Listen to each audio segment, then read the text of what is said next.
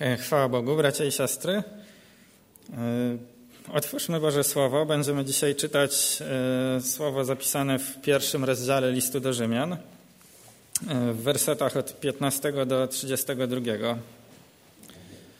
List do Rzymian, pierwszy rozdział od 15 do 32 wersetu.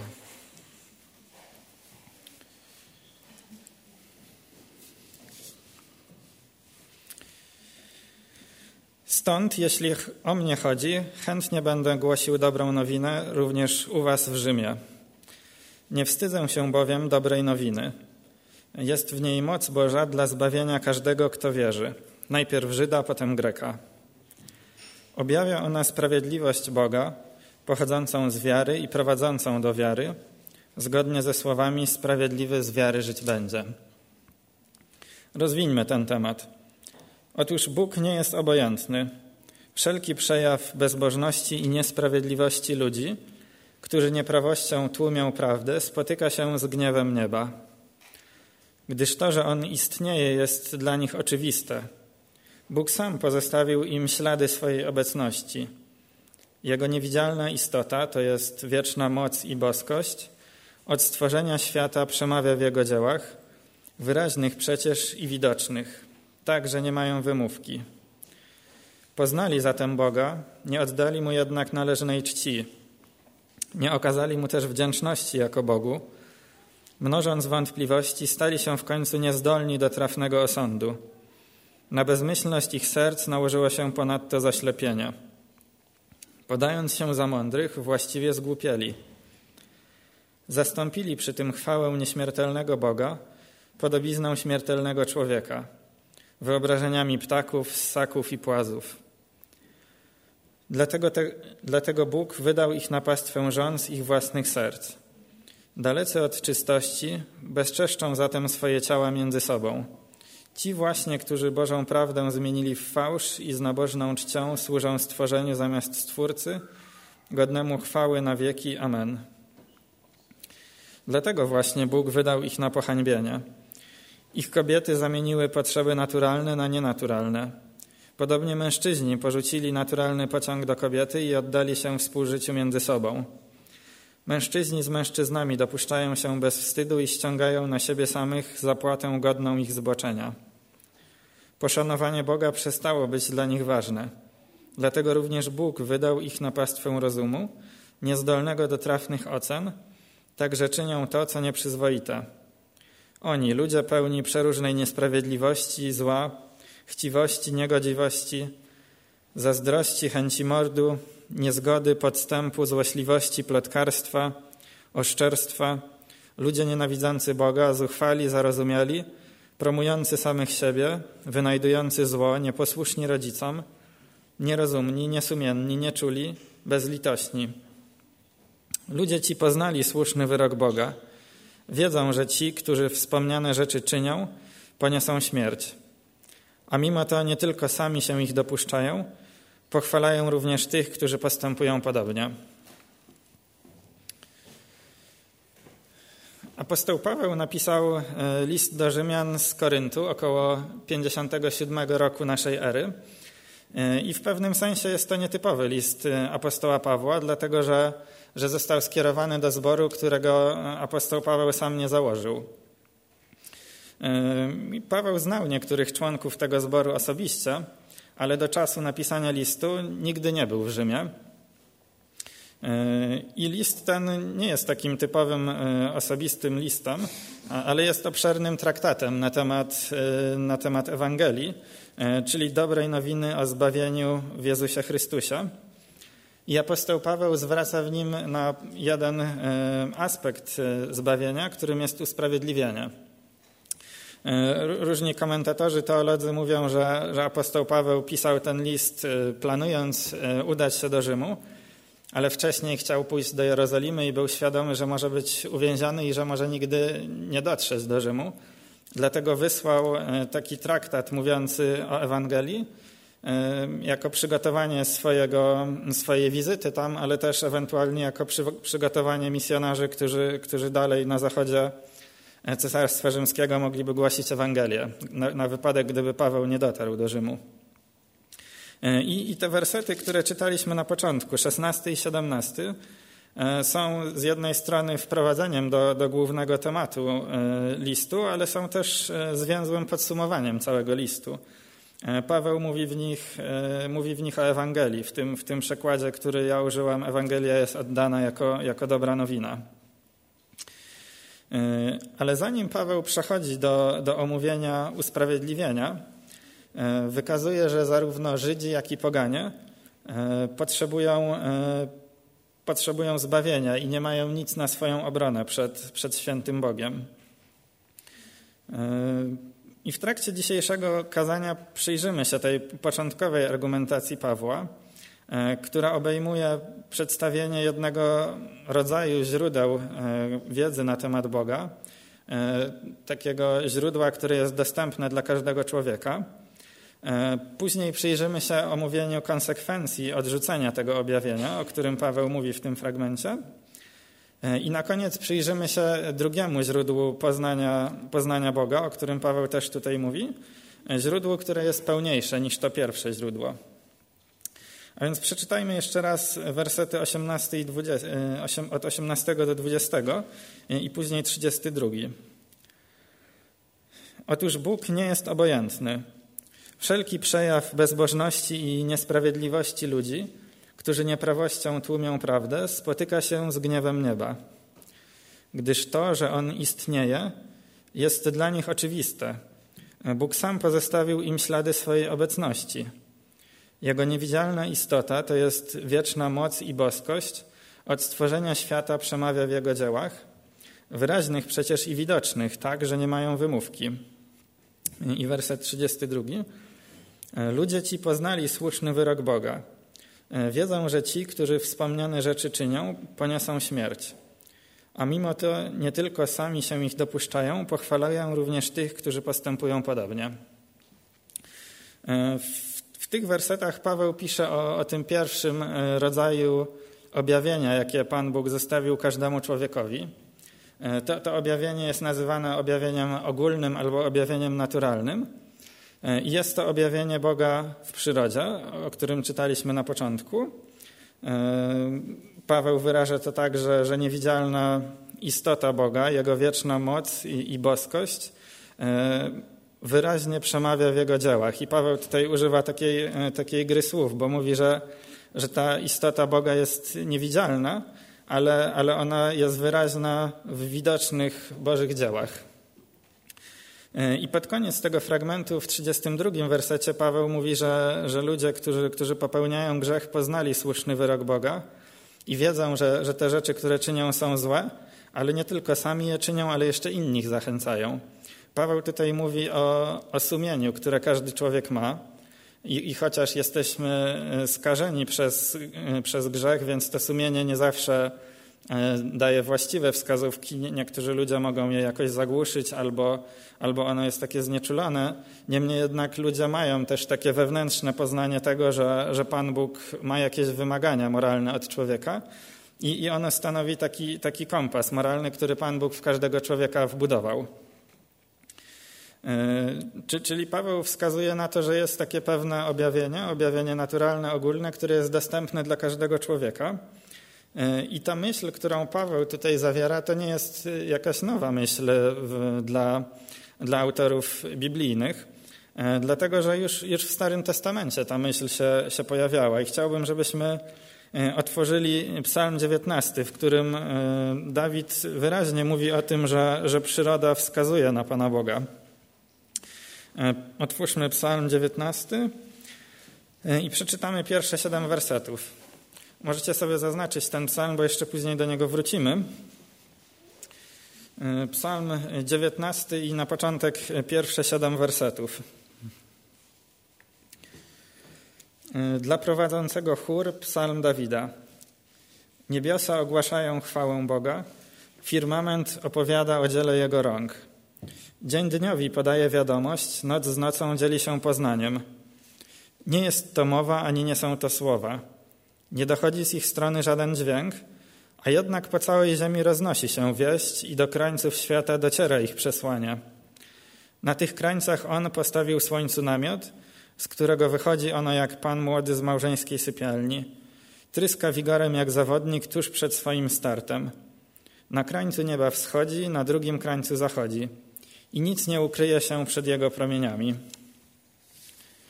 Widzimy tutaj, że, że Dawid w taki poetycki sposób wyraża tą samą myśl, że, że przyroda ogłasza Bożą chwałę, firmament opowiada o, o dziele jego rąk. Także ta myśl Pawła nie jest jakaś nowa. On kontynuuje myśl, którą, którą e, ludzie, e, ludzie wierzący, Boży lud już znał w, w czasach Starego Testamentu. I, i, i ten, ten przykład Psalmu 19 nie jest, nie jest jedynym przykładem. E, na przykład w Psalmie 104, który jest opisem Bożego stworzenia, Bożego działania w przyrodzie, w wersecie 24 psalmista wykrzykuje – jak liczne są Twoje dzieła, Panie. Wszystkie dowodzą Twojej mądrości. Ziemia jest pełna Twoich bogactw. Także patrząc na, na, na nasz podstawowy fragment e, z listu do Rzymian i, i chociażby te dwa wspomniane psalmy, e, możemy dojść do wniosku, że przyroda pozwala każdemu człowiekowi stwierdzić, że Bóg istnieje. I pozwala mu też stwierdzić, że Bóg jest pełen mocy, mądrości, kreatywności, że kocha piękno, różnorodność, i tak dalej. Także nie tylko może, e, człowiek może dojść do wniosku, że Bóg istnieje, ale może też e, pewne, pewne cechy Pana Boga wywnioskować z tej przyrody. Natomiast z faktu, że, że człowiek, e, każdy człowiek posiada sumienie, możemy wywnioskować, że, że Bóg jest istotą, która ma pewne wymagania moralne w stosunku do człowieka. Tak więc w głębi serca każdy wie, że Pan Bóg istnieje, i jak pisze apostoł Paweł, to jest oczywiste. E, chciałbym na chwilę zwrócić uwagę na, na pewien aspekt dotyczący, dotyczący badania przyrody nauk przyrodniczych, który w obecnych czasach został e, zawłaszczony przez ateistów, szczególnie przedstawicieli tak zwanego nowego ateizmu, którzy twierdzą, że, że nauka, że skoro nauka wyjaśniła, w jaki sposób powstał wszechświat, jak powstało życie, wiele przyrodów, które, procesów, które zachodzą w przyrodzie, zrozumieliśmy. I to sprawia, że, że w Boga Stwórcę jest, jest przeżytkiem w obecnych czasach i, i jest złudzeniem. Ale kiedy, kiedy popatrzymy na te twierdzenia w świetle tego, co mówi apostoł Paweł, no to widzimy, że one nie mogą być prawdziwe. Dlatego, że przyroda objawia Boga y, i objawia Jego istotę, pewne Jego cechy. I, i tak naprawdę, jeśli, jeśli właściwie będziemy rozumieć naukę, E, to, to nauka może dostarczać nam pewnych informacji na temat, na temat Pana Boga. E, Sir Isaac Newton, jeden z najwybitniejszych fizyków, powiedział kiedyś o Układzie Słonecznym. Chociaż te ciała mogą rzeczywiście krążyć po swoich orbitach jedynie dzięki prawom grawitacji, w żadnym wypadku nie, był, nie mogłyby one na samym początku wyprowadzić regularnej pozycji swoich orbit z tych praw. Stąd ten najpiękniejszy układ Słońca, planet i komet – mógł być zapoczątkowany jedynie dzięki planowi oraz mocy inteligentnego i potężnego bytu. I o ile w XIX i na początku XX wieku ateizm mógł święcić triumfy w naukach przyrodniczych, a tyle odkrycia y, poczynione w fizyce, w biologii, szczególnie biologii molekularnej w XX wieku, potwierdzają biblijny pogląd o tym, że przyroda wskazuje na Stwórcę. E, I chciałbym, żebyśmy, żebyśmy pomyśleli o trzech takich odkryciach, które pokazują nam, że, że świat ma stwórcę. E, po pierwsze, e, w XX wieku odkryto, że wszechświat się rozszerza, z czego można wyciągnąć wniosek, że wszechświat musiał mieć początek. I mało tego, ten początek musi być transcendentny w stosunku do wszechświata, czyli musi wykraczać poza niego E, musi być e, poza nim, nie może być częścią wszechświata. I, i, i zobaczcie, że ten, ten wniosek płynący z nauki zgadza się z tym, co mówi Biblia, bo Biblia mówi nam, że, że Pan Bóg nie jest stworzony. Pan Bóg jest e, stwórcą, jest transcendentny, czyli wykracza poza stworzenie, jest większy niż stworzenie i to On stworzył wszechświat. Po drugie, naukowcy zaobserwowali bardzo precyzyjne zestrojenie stałych fizycznych, i bardzo precyzyjne zestrojenie pewnych pewnych faktów. Na przykład Ziemia znajduje się w dokładnie takiej odległości od Słońca, żeby życie na niej mogło się rozwinąć. Gdyby była tylko troszeczkę bliżej albo troszeczkę dalej, to byłoby zbyt zimno albo zbyt gorąco, żeby życie mogło powstać. Co wskazuje nam na to, że, że ta przyczyna, która, która stworzyła świat, jest inteligentna i że, że nasz świat nie jest przypadkowy. I po trzecie, yy, naukowcy odkryli, że, że w kodzie genetycznym obecna jest, obecna jest informacja, czyli te cząsteczki DNA, które, które są obecne w każdej komórce naszego ciała i dzięki którym mogą być otrzymywane białka, dzięki którym w okresie życia płodowego ten nowy organizm, który powstał, rozwija się w taki, a nie inny sposób. To jest, zawdzięczamy to informacji, która znowu jest transcendentna i ona wykracza poza ten fizyczny nośnik. Żeby sobie to wyobrazić, to możemy, możemy sobie wziąć taki, taki przykład, może bliższy naszemu życiu. Wiemy, że powstał Pan Tadeusz, powstały sonety krymskie. E, no i one zawierają pewną treść, zawierają pewne informacje. E, no i zobaczcie, bez względu na to, z jakiego materiału jest wykonany papier, na którym e, te, te słowa z tych dzieł są zapisane, bez względu na to, z jakiego materiału jest atrament wykonany, którym zapisano te słowa, to te informacje są ponad tym materiałem, one, one go przekraczają i świadczą one o jakimś inteligentnym bycie, który je stworzył. W przypadku pana Tadeusza sonetów krymskich świadczą o, o tym, że istniał taki człowiek Adam Mickiewicz, który je spisał.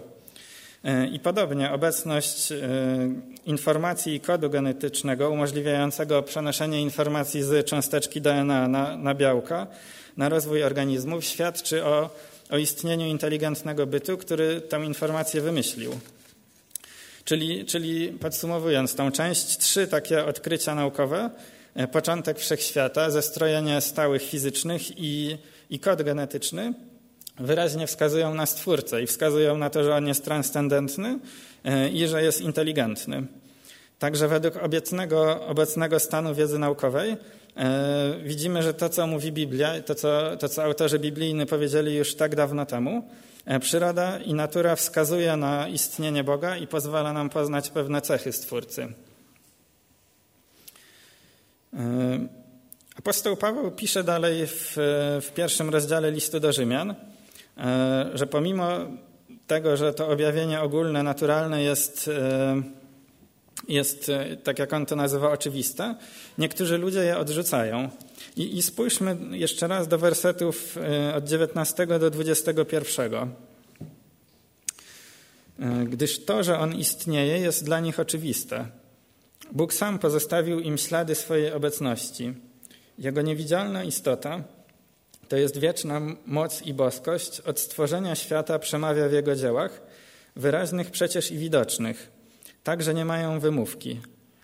Poznali zatem Boga, nie oddali Mu jednak należnej czci. Nie okazali Mu też wdzięczności jako Bogu. Mnożąc wątpliwości, stali się w końcu niezdolni do trafnego osądu. Na bezmyślność ich serc nałożyło się ponadto zaślepienie. Więc widzimy, jeszcze raz to podkreślę, że objawienie ogólne wskazuje na to, że Bóg istnieje i wskazuje też na to, że jest godny naszej chwały i że jest godny naszej wdzięczności. E, Boże Słowo mówi tutaj, że żaden człowiek nie ma wymówki i nie trzeba być naukowcem, żeby dostrzec ślady Pana Boga w, w przyrodzie, w stworzeniu.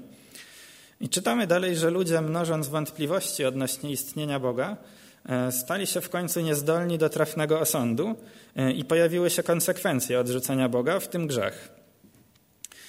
I jak patrzymy na ten fragment, to, to widzimy, że odrzucenie Boga jest jak, jak taka spirala Człowiek odrzuca go i w konsekwencji e, pojawiają się pewne rzeczy w jego e, życiu, e, w tym grzech. I dodatkowo Pan Bóg jeszcze jakby wzmacnia to, to jego odrzucenie i, i powoduje dodatkowe efekty pogarszające stan człowieka. W wersecie 24 czytamy, że Pan Bóg wydaje ludzi, którzy, którzy go odrzucają, na pastwę z ich własnych serc. W wersecie 26 czytamy, że Pan Bóg wydaje takich ludzi na pohańbienia. a w wersecie 28 czytamy, że Pan Bóg wydaje takich ludzi na pastwę rozumu niezdolnego do trafnych ocen.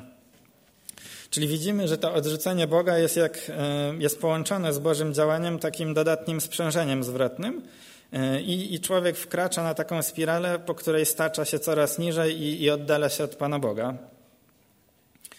E, żeby to zilustrować, to podzielę się takimi przemyśleniami, które miałem, jak oglądałem ostatnio film o, o Filipie Petit, który w 1974 roku E, rozpiął stalową linę pomiędzy dwoma wieżami World Trade Center e, i przeszedł po niej od jednej wieży do drugiej. A, a dokładniej mówiąc, był na tej linie przez 45 minut. Osiem razy przeszedł od jednej do drugiej wieży. E, w pewnym momencie położył się na środku liny, tańczył na tej linie i, i, i ukląkł też na tej linie. No i był tam 45 minut, dopiero jak zaczął padać deszcz, to zszedł z tej liny. I w tym filmie był pokazany taki moment, gdy, gdy Petit ukląkł na tej linie, e, to oddał jej hołd za to, że go podtrzymywała e, i oddał hołd tym dwóm wieżom za to, że podtrzymywały linę, którą on na nich zaczepił. E, no jak o tym myślę, to to jest coś niesamowitego i okropnego jednocześnie. Z jednej strony on się wykazał dużą wytrwałością, umiejętnościami, odwagą, a z drugiej strony poprzez oddanie hołdu stworzeniu pokazał, że w ogóle nie zdaje sobie sprawy z tego, komu zawdzięcza swoje życie i umiejętności, które posiada. A, a może właśnie zdaje sobie sprawę, ale, ale odrzuca tę myśl od siebie i, i ignoruje swojego stwórcę. Gdyby nie stwórca, to, to ani ta lina, ani ta wieża by ani sekundy nie istniały, bo, bo stwórca podtrzymuje cały czas prawa fizyki, podtrzymywał te, te dwie wieże i tą linę. E, także gdyby nie stwórca, to on spadłby z tych 400 metrów w okamgnieniu. I, I, pojawia się teraz pytanie, jak to wygląda w moim i, i w Twoim życiu? Jak, często myślisz sobie, że, że coś zawdzięczasz swojej ciężkiej pracy, swojej inteligencji? Jak często ja sobie myślę, że coś zawdzięczam swojej zapobiegliwości? Jak często dziękuję, jak często Ty dziękujesz Bogu za nowy dzień, za to, że że mogłeś się obudzić za uderzenie każdego serca, za każdy oddech. E, żyjemy w takich czasach, kiedy łatwo nam o tym zapomnieć, że, że nie wszystko od nas zależy. Raczej żyjemy w takich czasach, że wydaje nam się, że musimy brać życie w swoje ręce i, i, i to od nas zależy, jak ono będzie wyglądało. I, I, chociaż jest w tym jakieś ziarno prawdy, to, e, to, to, to myślę, że, że więcej rzeczy w naszym życiu nie zależy od nas niż zależy. I, i, I rok temu wszyscy to zobaczyliśmy bardzo wyraźnie. Jak, jak pojawiła się pandemia, to, to zobaczyliśmy, że, że w zasadzie nic nie możemy zaplanować, że, że nie wiemy, co, co nam przyniesie jutro, nie mówiąc już, co będzie za tydzień albo za dwa. I, I wtedy bardzo wyraźnie to zobaczyliśmy, ale, ale jak patrzę na siebie, to widzę, że po tym roku już znowu jakoś się oswoiłem z tą myślą. E, a myślę, że powinniśmy sobie cały czas o tym przypominać, że, że Bóg jest stwórcą, że, E, jemu nic się nie wymyka spod kontroli. On, on ma wszystko pod, e, w swoim ręku i warto o tym pamiętać i oddawać mu chwałę i być mu wdzięcznymi za to, że, że obudziliśmy się danego dnia, że, że nasze serce bije, że, że jesteśmy zdrowi. Przejdźmy teraz do, do drugiej części naszego rozważania, do, do konsekwencji odrzucenia Boga w postaci grzechu. E, Paweł mówi o, o, grzechu najpierw w wersecie 18 i później rozwija tę myśl w wersetach od 23 do 32. E, I na początku, e, w tym 18 wersecie, Paweł dzieli grzech na takie dwie kategorie. Mówi o, o bezbożności i mówi o, o niesprawiedliwości, którą, którą określa też nieprawością. I, i, I, ważne jest, żebyśmy zwrócili uwagę, że Paweł wymienia je właśnie w takiej kolejności. E, najpierw bezbożność, e, czyli grzech, który jest sednem każdego innego grzechu, e, a dopiero później nieprawość czy, czy, czy niesprawiedliwość. I, i ten, ten, pierwszy grzech, bezbożność, jest, jest buntem wobec Boga, jest, jest chybieniem celu, jest nieliczeniem się z Panem Bogiem. I jest on złamaniem pierwszego, najważniejszego przykazania, o którym mówił Pan Jezus. Pamiętacie, Pan Jezus powiedział, że pierwsze przykazanie jest, że, że Pan Bóg jest jeden i mamy kochać Go z całego serca, z całej myśli, z całej siły i z całej naszej duszy. E, jeśli tego nie robimy, to jesteśmy winni grzechu bezbożności. I dopiero drugie przykazanie brzmi, e, że mamy miłować swojego bliźniego jak samego siebie, i, i nieprawość, niesprawiedliwość to jest łamanie tego drugiego przykazania. I ja czasem tak miałem, może, może wy też czasem tak macie, że patrzycie na życie kogoś, kto, kto jest, no, kto nie wierzy w Pana Boga, jest ateistą, agnostykiem, wyznaje jeszcze jakieś inne poglądy, ale mimo to wiedzie bardzo moralne życie, trzyma się sztywnych, dobrych reguł postępowania. Możemy się z nimi nawet porównać i, i odnieść wrażenie, że oni bardziej etycznie postępują niż my e, i, i że w zasadzie nie można nic im zarzucić. I, i w jaki sposób w ogóle możemy im, im głosić Ewangelię? Ja tak się często zastanawiałem i, i, w, tym, w tym wersecie 18 mamy odpowiedź. Mm, pierwszy grzech to jest bezbożność. Więc takie wrażenie, że, że ktoś jak postępuje bardzo etycznie, ale odrzuca Pana Boga i nie oddaje Mu należytej chwały, to że on nie ma problemu z grzechem, to jest fałszywe wrażenie. E, dlatego, że, że taki człowiek de facto twierdzi, że, że Pana Boga nie ma, albo że, że nie zostawił wystarczającej ilości dowodów na świecie na swoje istnienie. Jeśli tak robi, to jest winien grzechu bezbożności, z którego musi pokutować, żeby znaleźć upodobanie w Bożych oczach. Bezbożność, czyli właśnie przekonanie o niezależności od Boga, odrzucanie Boga jest, jest pierwszym i najpoważniejszym grzechem, którym obrażamy Boga. To ten grzech doprowadza do nieprawości, czyli wszystkich innych grzechów, które Paweł wymienia w rozważanym przez nas dzisiaj fragmencie. Ale trzeba pamiętać, że bezbożność jest tym pierwszym grzechem, e, który można rzec jest źródłem wszystkich pozostałych grzechów. I dalej Paweł e, w wersetach od 23 e, uszczegóławia, na czym polega ta nieprawość i niesprawiedliwość. E, I skompilowałem taką listę właśnie tych, tych grzechów z listu do Rzymian i z innych fragmentów. I, I, to są grzechy złamania Bożego prawa i porządku moralnego, takie jak bałwochwalstwo, czyli oddawanie czci fałszywym bogom, homoseksualizm, nieprzyzwoitość, zło, chciwość, niegodziwość, zazdrość, chęć mordu, niezgoda, płótliwość, podstęp, złośliwość, plotkarstwo, oszczerstwo, nienawiść do Boga, zuchwałość, zarozumiałość, promowanie samego siebie, wynajdowanie zła, nieposłuszeństwo rodzicom, nierozumność, niesumienność, nieczułość, bezlitosność, e, cudzołóstwo, pornografia, egoizm, nieprzyzwoitość, powtarzanie głupstw, błaznowanie – tchórzostwo, czary, okultyzm, kłamstwo i tak dalej, i tak dalej można by długo wymieniać. I, i, i wszyscy tacy byliśmy, a niektórzy z nas, którzy słuchają tego kazania, może nadal tacy są. A nawet jak, jak narodziliśmy się na nowo, to, to, to czasem zdarza nam się popaść w któryś z tych grzechów. Ale Paweł e, wskazuje w tym fragmencie, który czytamy, że, że jest nadzieja. Natomiast o tej nadziei nie możemy się dowiedzieć z obserwacji przyrody, ani dzięki naszemu sumieniu. Czyli to ogólne objawienie, o którym mówiliśmy do tej pory, ono nie jest wystarczające, żebyśmy poznali Boga, żebyśmy poznali Go w pełni. Do tego potrzebne jest szczególne Boże objawienie, ten drugi rodzaj Bożego objawienia, e, które znajdujemy w Jego, w Jego Słowie, w spisanym Słowie Bożym, i, i które znajdujemy w Panu Jezusie Chrystusie, czyli we wcielonym Bożym Słowie. E, przyroda pozwala nam na stwierdzenie, że Bóg istnieje i że jest potężny, natomiast e, nie pozwala nam ona poznać pełni Bożego charakteru. E, do tego konieczne jest objawienie szczególne i, i wiedzieli o tym już autorzy starotestamentowi. Wróćmy do, do Psalmu 19, który już dzisiaj czytaliśmy. I, I, przeczytajmy wersety od, od 8 do 12. Dawid mówi tam tak. Prawo Pana jest doskonałe, pokrzepia duszę. Postanowienia Pana sprawdzone, niedoświadczonych uczą mądrości. Polecenia Pana są trafne, pocieszają serce.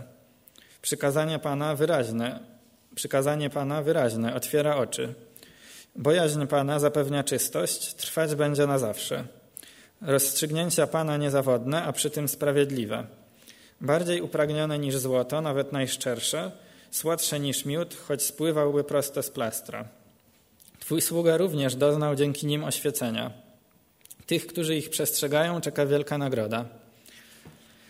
E, psalmista tutaj mówi o, o Bożym Słowie, co, co może dla nas nie być od razu takie oczywiste, ale zobaczcie, on tutaj mówi o, o prawie Pana, o poleceniach Pana, o przykazaniach Pana, e, mówi o, o rozstrzygnięciach Pana, czyli mówi o, o Bożym Słowie, które, e, które mamy spisane. I co ciekawe, mm, jak, jak wpatrzymy się w to, w jaki sposób psalmista określa Boga w, w tym psalmie, w pierwszych siedmiu wersetach, e, w, tym tłumaczeniu, które ja mam, e, Bóg jest nazywany po prostu Bóg, tak? I to jest e, hebrajskie słowo El, które jest takim ogólnym określeniem Boga. Natomiast jak zobaczymy na wersety od 8 do 12, kiedy, kiedy psalmista mówi już o szczególnym objawieniu Boga, to w moim tłumaczeniu to jest oddane jako Pan i, i, i w hebrajskim w oryginale to jest tetragram Jahwe, E, który jest imieniem Boga, które objawił Mojżeszowi w, w płonącym, ale nie spalającym się krzewie. E, I to jest imię Boga, które jest używane zawsze w kontekście przymierza, czyli w kontekście relacji pomiędzy Bogiem a człowiekiem. Czyli zobaczcie, że, że, że Dawid w tym psalmie zawiera taką bardzo ważną prawdę, że obserwując przyrodę, obserwując to objawienie ogólne, możemy tylko tak ogólnie poznać Boga, tak? transcendentnego Stwórcę, potężnego, mądrego, który, który stworzył świat, ale, ale nie możemy z nim wejść w relację na podstawie samego tego objawienia e, ogólnego. Dopiero potrzebujemy Bożego Słowa, szczególnego objawienia, żebyśmy mogli wejść e, w przymierze z nim, w relację i wtedy e, Dawid wyraża to właśnie w taki sposób, że używa tego imienia Boga Jahwe, które jest związane z związane z przymierzem, z, z jakąś interakcją pomiędzy Bogiem a człowiekiem. I, I, ta myśl o tym, że, że, że Boże Słowo, że Pismo Święte jest nam potrzebne do poznania Boga, jest wyrażona w różnych miejscach e, Pisma Świętego, na przykład w drugim liście do Tymoteusza, trzecim rozdziale, wersety 16 i 17 mówią: Całe Pismo natchnione jest przez Boga i pożyteczne do nauki, do wykazania błędu, do poprawy i do wychowywania w sprawiedliwości, aby człowiek Boży był w pełni gotowy, wyposażony do wszelkiego dobrego dzieła. Podobnie autor listu do Hebrajczyków w pierwszym rozdziale, w pierwszych dwóch wersetach mówi: Bóg, który stopniowo i na wiele sposobów objawiał dawniej swoje słowo ojcom przez proroków, a w tych ostatnich dniach przemówił do nas w osobie syna. Czyli tutaj autor wskazuje na to, że że, że to szczególne Boże objawienie obejmuje zarówno spisane Boże Słowo, jak i wcielone Boże Słowo, czyli Pana Jezusa Chrystusa, poprzez którego Pan Bóg się nam e, objawił w pełny sposób. E, I co ciekawe, jak popatrzymy na dwunasty werset tego psalmu 19, e, to, to Dawid tam mówi, że on doznał oświecenia dzięki, dzięki Bożemu Słowu. Czyli mimo, że on miał jakieś poznanie Boga poprzez przyrodę, to dopiero dzięki Bożemu Słowu doznał oświecenia. I, I, myślę, że to jest, y, znaczy jestem pewny, że to jest prawdziwe w życiu każdego, każdego człowieka. Dopiero Boże Słowo nas, nas oświeca, natomiast y, no to, te informacje, które o Bogu możemy poznać z przyrody, to są takie niepełne. Y, no i możecie pomyśleć, czy, czy apostoł Paweł w tym początkowym fragmencie listu do Rzymian mówi też o objawieniu szczególnym. E, I, I, okazuje się, że mówi, mówi o, o, pewnej części tego objawienia szczególnego e, w wersetach 16 i 17. 17. E, mówi tutaj o, o Ewangelii, o dobrej nowinie, która jest częścią Bożego Słowa i która opiera się na, na dziele Pana Jezusa, czyli, czyli wcielonego Bożego Słowa. Czytamy w tych wersetach 16 i 17. Nie wstydzę się bowiem dobrej nowiny, jest w niej moc Boża dla zbawienia każdego, kto wierzy. Najpierw Żyda, potem Greka. Objawia ona sprawiedliwość Boga pochodzącą z wiary i prowadzącą do wiary, zgodnie ze słowami: Sprawiedliwy z wiary żyć będzie. E, Także widzimy, że Paweł w tym, w tym fragmencie mówi też o, o szczególnym Bożym objawieniu, mówi o Ewangelii, czyli dosłownie to znaczy dobra nowina. E, I, I, zwraca uwagę tutaj na dwa aspekty tej, tej dobrej nowiny. E, mówi o tym, że, że Ewangelia jest Bożą mocą do zbawienia każdego, kto wierzy. I po drugie, mówi, że Ewangelia objawia sprawiedliwość Boga. E, tak jak mówiłem, objawienie ogólne nie pozwala nam poznać charakteru Boga. Obserwując naturę, nie dowiemy się o tym, że Pan Bóg jest sprawiedliwy. E, nasze sumienie podpowiada nam, że pewne rzeczy nie podobają się Bogu, ale jest skażone przez grzech i, i nie zawsze Jego podpowiedzi są słuszne. I, I, co gorsze, jeśli już zgrzeszymy, e, to sumienie nas oskarża i, i ani ono, ani przyroda nic nam nie mówi, e, co musiałoby się stać, żebyśmy mogli być pojednani z Bogiem, żeby, żebyśmy byli uwolnieni od winy za grzech. I do tego jest nam potrzebna Ewangelia. Ewangelia, czyli dobra nowina, E, no ale żeby docenić wagę tej dobrej nowiny, no to musimy zdać sobie sprawę z powagi naszej sytuacji. Musimy być przygotowani do tego, żeby usłyszeć Ewangelię e, i żeby ją przyjąć. I, I, Paweł właśnie to robi w tym początkowym fragmencie listu do Rzymian, który przeczytaliśmy, i jeszcze w dwóch kolejnych rozdziałach. E, Paweł mówi tam, że, że jesteśmy grzesznikami, że każdy z nas sprzeciwił się Bogu, złamał jego przykazania i Paweł posuwa się do tego w trzecim rozdziale, 23 wersecie, że mówi, że wszyscy zgrzeszyli i są pozbawieni Bożej chwały. I, i dalej w, w szóstym rozdziale listu do Rzymian, 23 wersecie mówi, że zapłatą za grzech jest śmierć.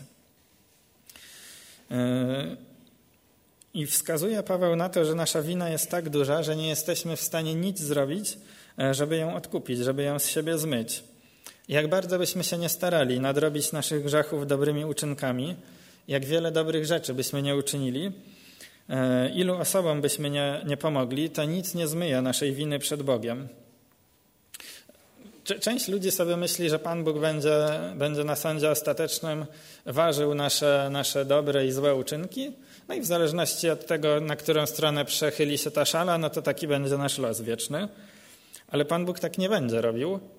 E, Bo, Boże Słowo o tym mówi, że, że tak nie będzie. E, ale nawet gdyby Pan Bóg tak robił, to i tak w przypadku każdego człowieka te złe, te złe czyny, nasze grzechy przeważyłyby szale na naszą niekorzyść. E, no i to jest, to jest bardzo, bardzo zła wiadomość i, i, i nasz stan jest, jest dramatyczny i tragiczny. I dopiero w tym momencie zaczyna się, zaczyna się dobra nowina.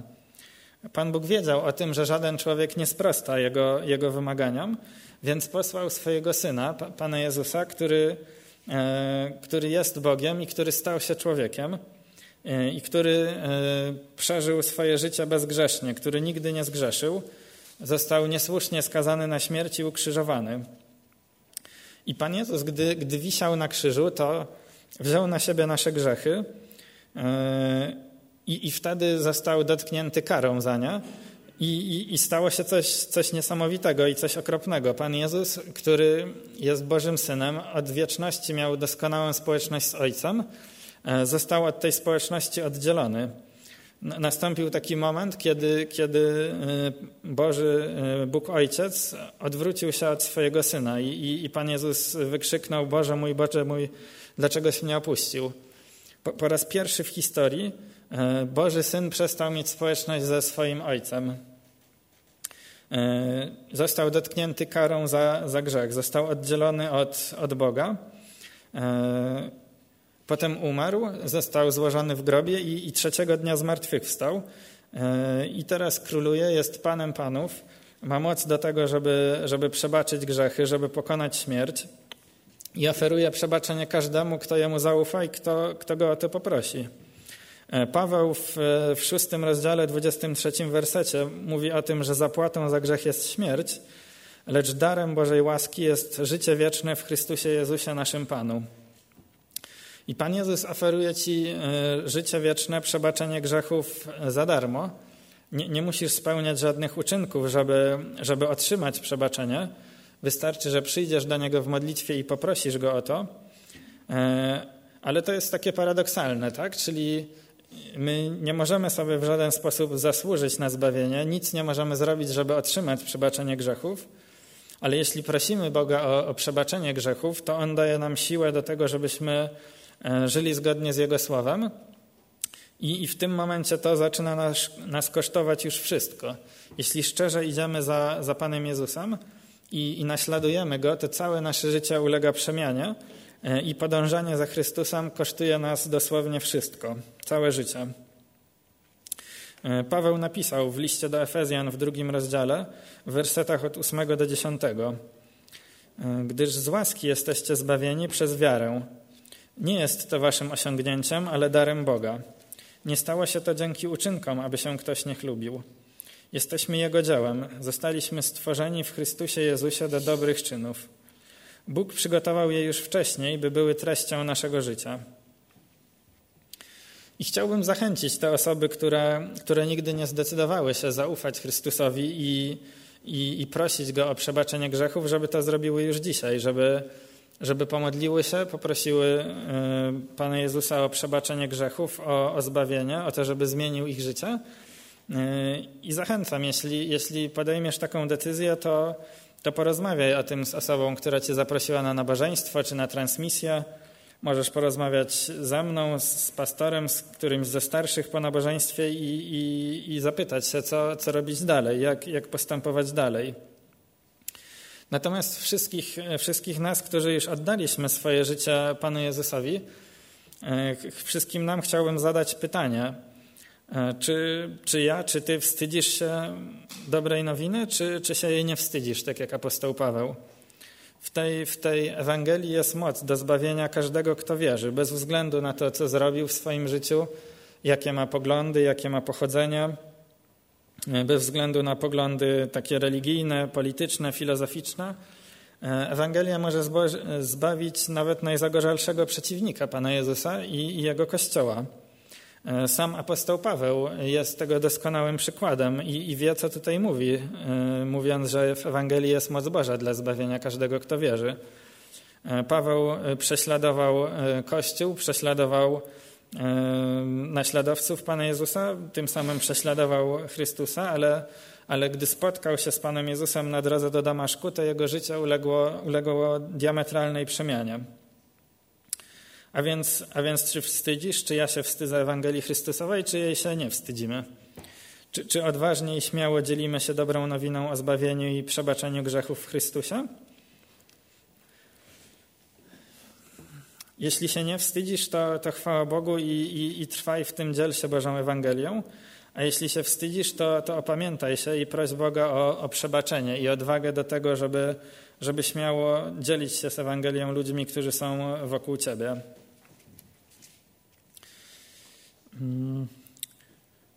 I na koniec chciałbym, żebyśmy zwrócili uwagę na, na ten drugi aspekt Ewangelii, o którym Paweł mówi w wersecie 17, o tym, że na to, że Ewangelia objawia sprawiedliwość Boga.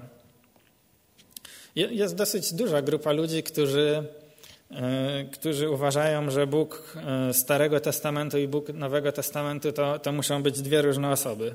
No i oni tak argumentują, że w Starym Testamencie Bóg jest przedstawiony jako, jako święty, jako bardzo surowy, jako ten, który, który karze grzech. E, natomiast w Nowym Testamencie Bóg jest przedstawiony jako pełen miłości i łaski.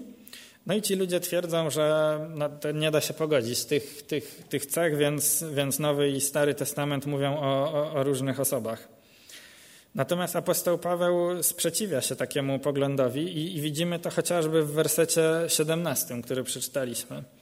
Paweł tutaj nie mówi, że Ewangelia objawia Bożą łaskę, chociaż na pewno objawia, ale mówi, że objawia sprawiedliwość Boga.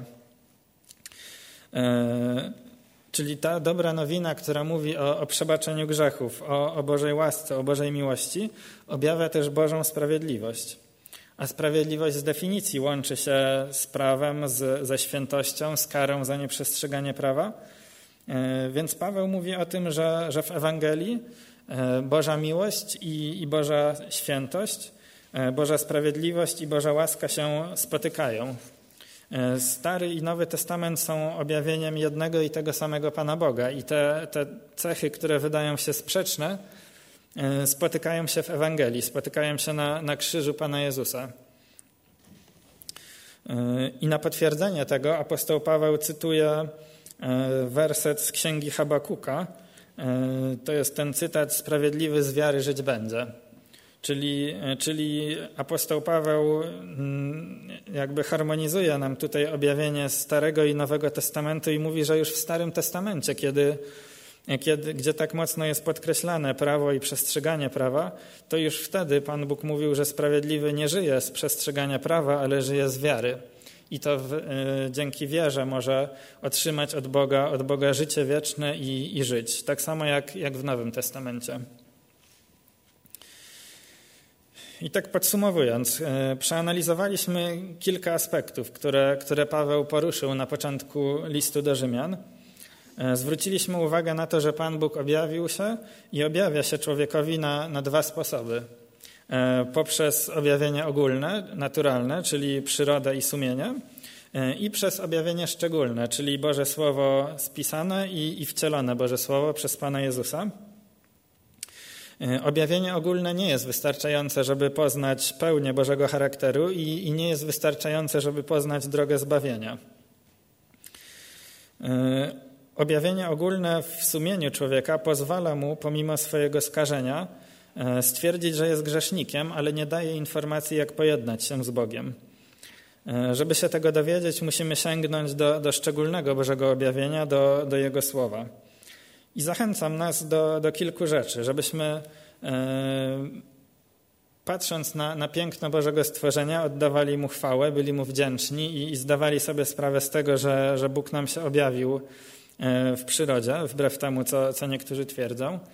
E, tych, którzy, którzy nigdy nie pojednali się z Panem Jezusem, zachęcam do tego, żebyście wyznali swoje grzechy, żebyście zawołali do Niego, poprosili o ratunek i żebyście później żyli zgodnie, zgodnie z tym. A tych, którzy, którzy są Bożymi dziećmi, zachęcam do, do wdzięczności za ofiary Pana Jezusa, za Jego łaskę i zachęcam nas do tego, żebyśmy nie wstydzili się Ewangelii, ale, ale śmiało ją głosili. Bo, bo nie ma takich beznadziejnych przypadków dla Pana Boga, tylko, tylko ta Ewangelia ma moc, żeby zbawić każdego, kto wierzy. Amen.